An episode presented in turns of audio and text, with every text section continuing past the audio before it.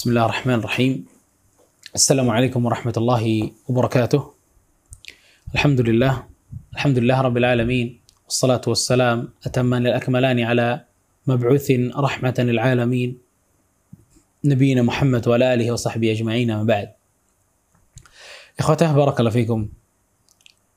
Alhamdulillah kesempatan kali ini kita sedikit berbeda. Biasanya kalau kita kumpul di masjid, ya sekarang berubah. Kita masing-masing di rumah, tapi ini bukan berarti hubungan kita dengan majelis ilmu terputus. Hubungan kita dengan menuntut ilmu pun terputus. Enggak. Kita tetap menjaga tali kita dengan ilmu. Kita tetap menjaga tali kita dengan mencari ilmu.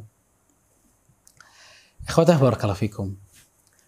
Di masa-masa isolasi seperti ini ya, Al-Imam Ibn Jauzi rahimahullah ta'ala beliau mengatakan bahwa hanya ada dua tipe orang yang akan paling bahagia di masa-masa seperti ini, masa-masa uzlah ya, masa-masa isolasi seperti ini. Pertama orang yang zuhud, karena dia akan mampu memberikan porsi yang sangat besar untuk ibadahnya secara tersembunyi. Karena kan lagi di rumah aja. Tersembunyi, gak ada yang lihat dia. Sholat duhur biasanya ngikut imam masjidnya, namun sekarang dia bebas. Dia bisa lebih lama sholatnya. Sesuai dengan kehendak dia. Sesuai dengan keinginan dia. Makanya orang yang salah satu yang bahagia lagi di masa seperti ini adalah orang yang zuhud. Yang kedua, penuntut ilmu Penuntut ilmu ini termasuk orang yang paling bahagia di masa seperti ini. Kenapa? Karena dia bisa menyendiri untuk membaca buku-buku yang ia miliki. Dia bisa menyendiri mempunyai waktu yang sangat banyak untuk kembali menelaah kitab-kitab para ulama. Dia lebih banyak waktu untuk bisa bersama Rasul dan para sahabat Rasul Sallallahu Alaihi Wasallam.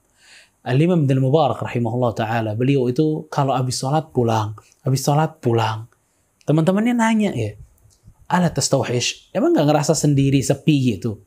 Setiap abis ini pulang, gak nongkrong bareng sama kita. Ibn Mubarak rahimahullah, Kaifa astauhish wa ana ma'an nabiyyi wa sahabah?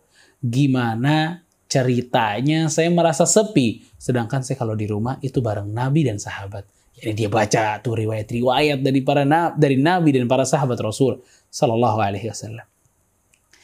Ikhwatah barakallahu fikum. Uh, di tengah wabah yang luar biasa ini, ya udah berjalan lebih dari dua bulan, ya ya dua bulan lah kurang lebih. Korban makin banyak, yang terinfeksi pun makin banyak. Kurvanya nggak turun, tapi naik. Apakah dengan fakta itu menjadikan seorang muslim pesimis? Abadan, enggak. Enggak ada dalam kamus seorang muslim kalimat pesimis. Enggak ada.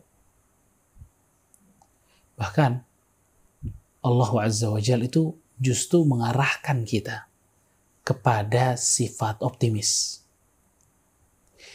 Lihat Nabi Shallallahu Alaihi Wasallam, Waktu Nabi SAW dan Abu Bakar melakukan sebuah perjalanan besar.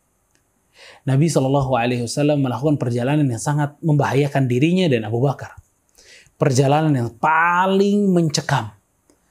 Perjalanan yang kalau Nabi ketangkep di jalanan itu bisa dibunuh. Sedangkan orang-orang Muslim di Madinah nungguin Nabi SAW. Perjalanan hijrahnya Nabi kita SAW waktu Nabi Shallallahu Alaihi Wasallam itu udah melarikan diri dari Mekah hijrah. Orang-orang kafir Quraisy yang tadinya udah mempunyai rencana membunuh Nabi Shallallahu Alaihi Wasallam mereka bingung. Kenapa nggak ditemukan Nabi Shallallahu Alaihi Wasallam di tempat tidurnya? Justru Ali bin Abi Thalib. Sampai akhirnya mereka membuat sebuah sayembara. Siapa yang sanggup menangkap Muhammad dan Abu Bakar kawannya tuh dalam keadaan hidup ataupun mati maka untuknya 100 ekor unta. Allahu Akbar.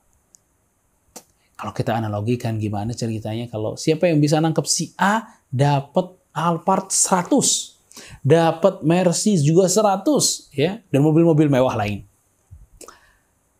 bergerak semuanya. Nabi SAW itu wanted yang paling pertama di kala itu. Ini orang yang paling dicari ini sudah. Nabi SAW tuh ngambil jalan. Bukan jalan yang biasa orang-orang Mekah kalau mau ke Madinah. Bukan. Dipilih jalan yang lain sama Nabi SAW. Walaupun itu lebih terjal. Walaupun itu berbahaya. Namun Nabi SAW memilih jalan tersebut. Sampai akhirnya Nabi SAW itu bersembunyi di gua. Namanya Gua Thur. Kalau antum yang udah pernah umroh ataupun haji, antum bisa lihat tuh gimana Gua Thur ya. Tinggi dan sempit. Tapi di situlah Nabi SAW itu diturunkan ketenangan oleh Allah. Justru di tempat yang kecil dan sempit itu, Allah Subhanahu wa taala menjaga Nabi sallallahu alaihi wasallam. Justru di tempat seperti itulah Nabi sallallahu alaihi wasallam ini optimis. Ikhwan, barakallahu fikum dan akhwat sekalian.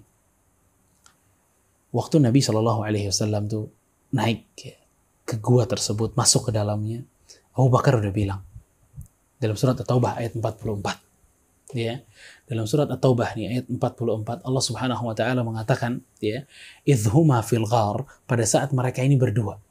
Ya thani yathnaini idhuma fil ghar kata Allah. Dua orang yang dua-duanya ini ada dalam gua. Abu Bakar bilang ya Rasulullah sepertinya mereka ini akan mengejar kita di gua ini ya Rasulullah.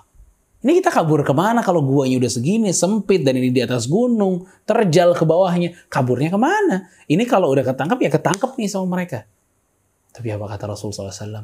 Di keadaan Abu Bakar khawatir yang luar biasa, dalam surat At-Taubah ayat 40, Allah mengatakan, Rasulullah SAW mengatakan kepada Abu Bakar, La tahzan, innallaha ma'ana, jangan sedih. Allah bersama kita. Barakallah fikum. Allah bersama kita. Ikhwan dan akhwat sekalian. Jangan pesimis. Allah bersama kita.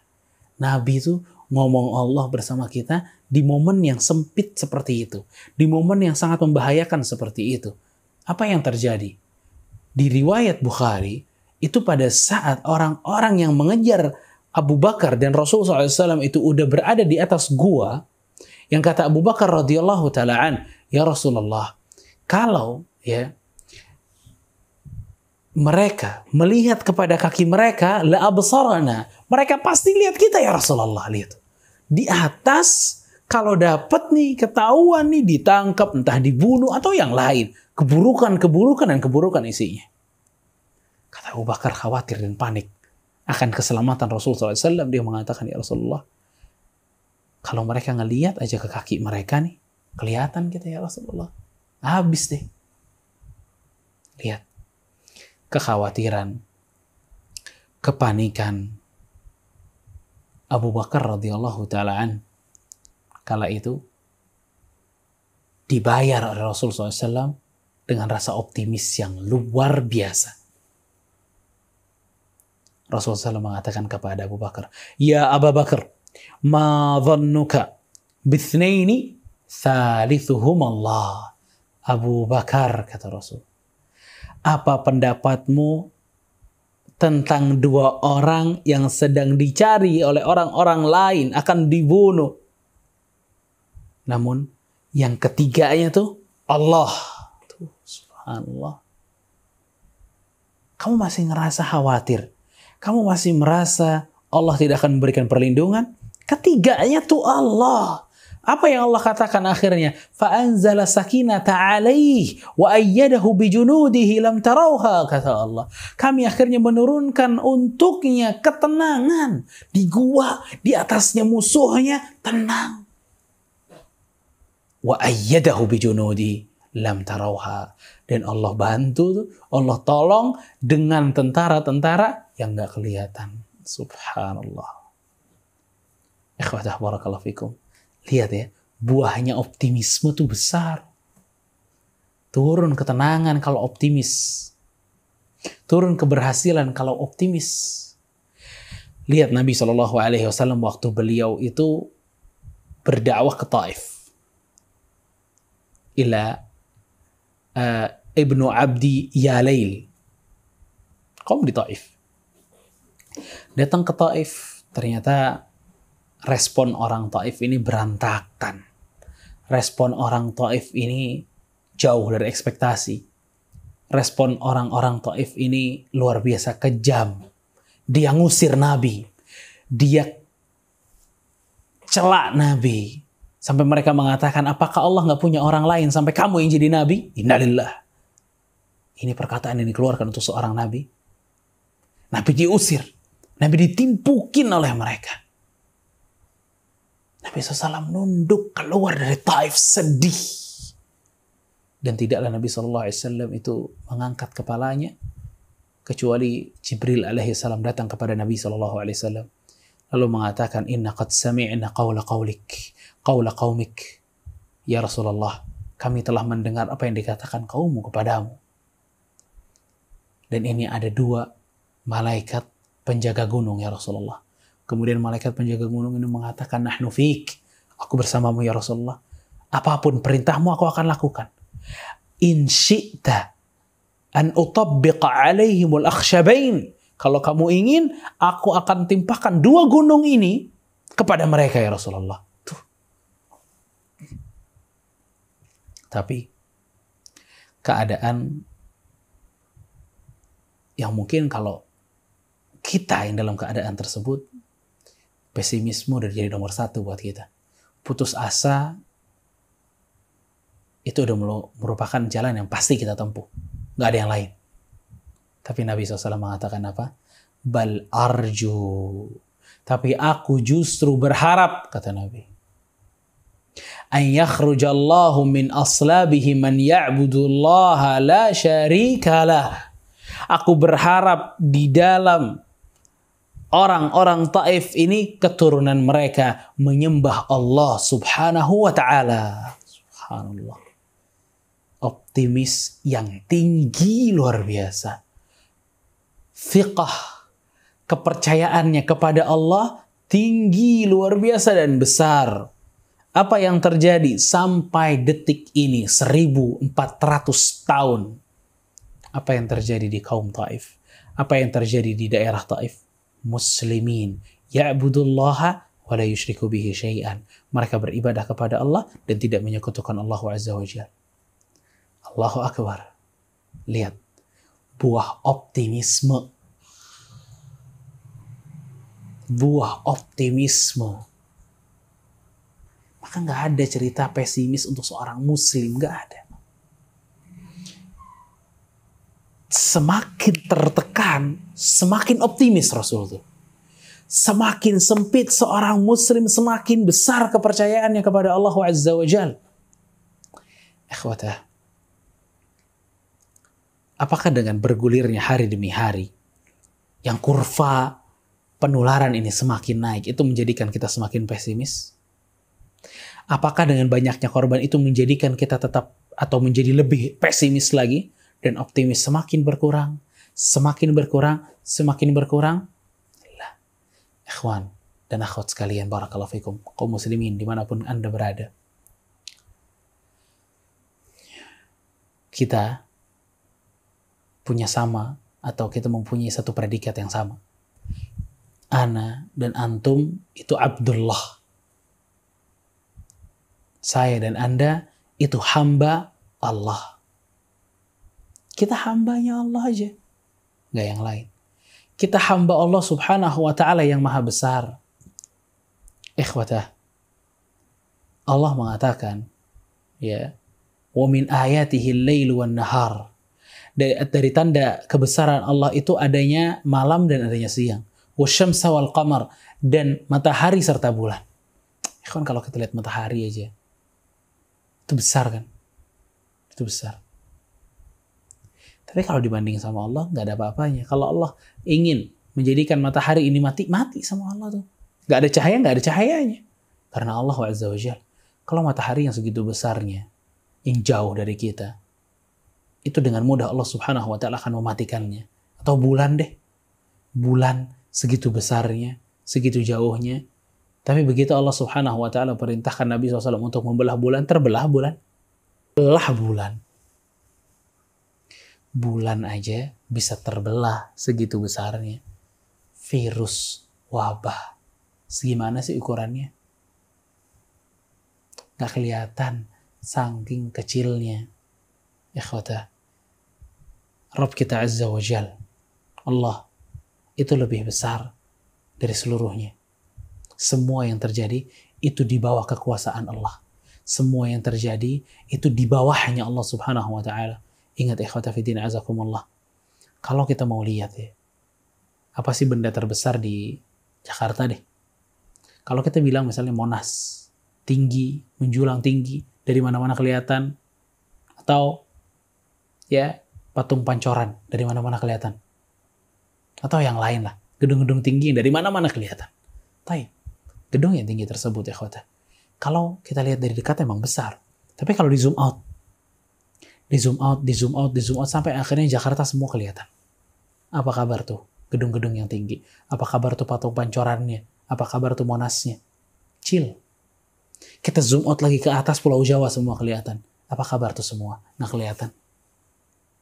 Nggak kelihatan. Kecil kan? Baik. Anda bawa lagi antum untuk lebih ke atas. Kalau kita lihat lagi ke atas, Asia semua kelihatan. Mana Monas? Mana gedung tinggi itu? Mana? Gak ada. Tarik lagi ke atas sampai kita bisa melihat bumi secara keseluruhan. Pertanyaan. Mana Monas? Bumi keseluruhan sebesar itu itu udah besar banget ya kota bumi itu. Tapi Monas juga dengan dengan bumi yang besar tuh Monas nggak kelihatan walaupun tadinya besar. Taib. Itu penglihatan bumi ke Monas, oke? Okay? Kita tarik ke kota. Penglihatan matahari ke bumi. Apa kata, kata para peneliti? Kata para peneliti mengatakan bahwa butuh 330 ribu bumi untuk memenuhi matahari. Jadi itu kali lipat nih. Itu ukuran matahari. Jadi matahari kalau dibanding bumi, gak ada apa-apanya tuh bumi. Apalagi Jakarta, apalagi Monas, apalagi virus. Oke, kita tarik ke belakang. Setelah matahari ada syi'ra. Wa innahu huwa rabbu syi'ra, kata Allah. Dan Allah adalah Rabnya syi'ra. Karena sebagian orang-orang jahiliyah kala itu mereka menyembah syi'ra, salah satu bintang yang ada dia di belakang matahari dan lebih besar daripada matahari. Oke, kita balikin lagi atau kita jauhkan lagi. Ada yang disebutkan oleh para peneliti itu al-kalbul al akbar. Ya, bintang kalbul akbar. Yang paling besar. Ini bintang yang paling besar nih akhwata. Itu kalau dibanding sama matahari, matahari itu seperti debu kalau dari mereka. Nih. Kalau dari kalbul akbar ini, matahari kayak debu kecil sekali. Sedangkan matahari kalau dibanding bumi, 330 ribu kali lipat kurang lebih. Ikhwatah barakallahu fikum. Tahu kita di mana? Tahu itu semua di mana? Tahu kalbul akbar tadi hanya di mana? Itu hanya di langit pertama dan segitu besarnya. Kita belum bicara langit kedua. Kita belum bicara langit ketiga. Dan Allah mengatakan apa? Sab'a samawatin tibaqa. Langit punya tujuh lapis, saling melapisi. Ya, saling bertingkat-tingkat. Kita nggak tahu apa yang ada di dalam langit kedua, nggak tahu kita sebesar apa makhluknya Allah taala alam. Langit ketiga sama kita nggak tahu. Keempat kita nggak tahu. Kelima, keenam. Kalau langit ke satunya aja kayak begitu dunia tuh. Langit ketujuh. Allahu Akbar. Kayak apa tuh? Kalau dilihat dari langit ketujuh terus lihat bumi. Ya Allah, nggak ada apa-apanya tuh bumi. Nggak ada apa-apanya. Di atas langit ketujuh, itu ada kursi. Abu Dhar mengatakan, kursi itu ya kalau dibandingkan masa mawatu sab'i bil kursiyi illa kahalqatin min hadidin ulqiyat fi ardil falah. Dikatakan oleh Abu Dhar radhiyallahu taala tidaklah kata Abu Dhar, sab'a samawat, langit yang tujuh itu kalau dibanding kursinya Allah, kursi wasi'a kursiyus samawati wal ard. Ayat kursi, kursi itu artinya kata Imam Sa'di rahimahullahu taala tempat pijakan kakinya Allah. Taib. Tempat nih, pijakan kakinya Rabbul Alamin kursi, kalau dibanding tujuh lapis langit, itu layaknya sebuah kalung besi dilemparkan ke padang pasir. Kecilnya seperti apa tuh kalung? Dan itu tujuh lapis bumi dibanding kursi. Dan di atas kursi ada air. Fauqal ma wal arsyu fauqal ma. Dan arsnya Allah, singgah sananya Allah adanya di atas air tersebut. Taib arsnya Allah dibanding dengan kursi. Apa kata Abu Dhar radhiyallahu taala an? Ma kursiyi bil arsy illa ka min hadidin ulqiyat fi ardil falah. Tidaklah ukuran kursi tadi itu dibanding arsh layaknya kalung besi yang dilemparkan ke padang pasir. Allahu Akbar. Ikhwan dan akhwat sekalian kita nggak berbicara tentang Allah. Kita berbicara apa yang ada di bawah Allah. Segitu besarnya. Di atas arsh itu ada Ar-Rahman. Ar-Rahmanu ala al-arsh istawa. Allah berada di atas arsh. Ikhwatah, itu Allah. Ikhwan dan akhwat sekalian, itu Rabbul Alamin. Ikhwatah barakallahu fikum itu yang jadi pelindung kita. Ikhwan dan akhwat sekalian, itu yang sanggup menghilangkan wabah. Para jamaah sekalian, itulah Allah yang menjaga bumi. Itulah Allah yang menyembuhkan. Itulah Allah yang memberikan rizki. Itulah Allah yang akan mengakhiri wabah ini. Segitu besarnya.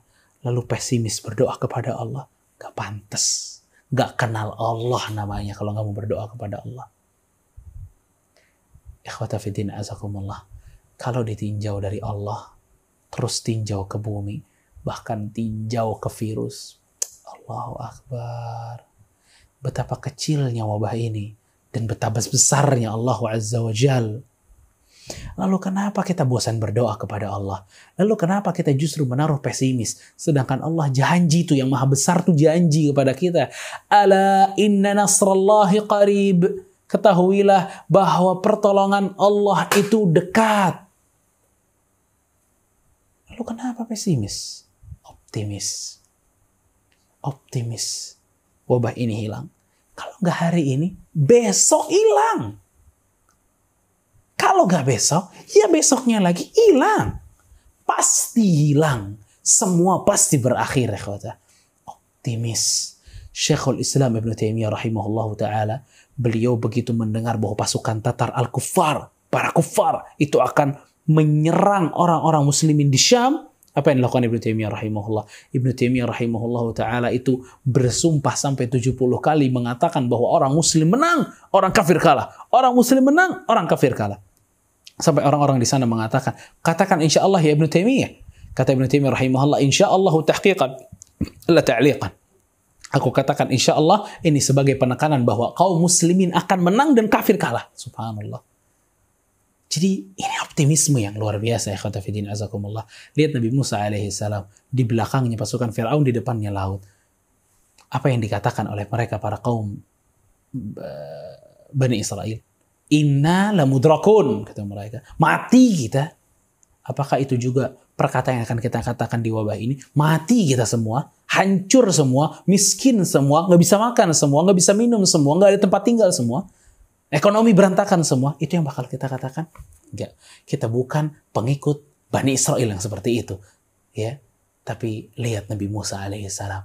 Apa kata Nabi Musa? Kalla Inna ma'iya rabbi sayahdin. Enggak, kata Nabi Musa. Allah bersamaku dan Allah yang akan memberikan jalan kepadaku. Apa yang terjadi? Fanfalakal bahr. Laut terbelah. Kering untuk dilewati Nabi Musa dan kaumnya. Tuh lihat. Buah dari optimisme. Maka ikhwata fidin azakumullah pastikan dan yakinlah bahwa semuanya itu akan berakhir. Tilkal ayyamu nudawiluha bainan nas. Ini hanyalah hari-hari kata Allah yang Allah putar-putar. Ya. Kemarin kita sehat, nanti sakit, kemudian sakit, nanti sehat, kemudian kaya, nanti miskin, ya, kemudian muda, kemudian tua dan begitu seterusnya. Inilah dunia. Ini hakikat apa? Dunia. Barakallahu fikum. Semoga bermanfaat. Wassalamualaikum warahmatullahi wabarakatuh.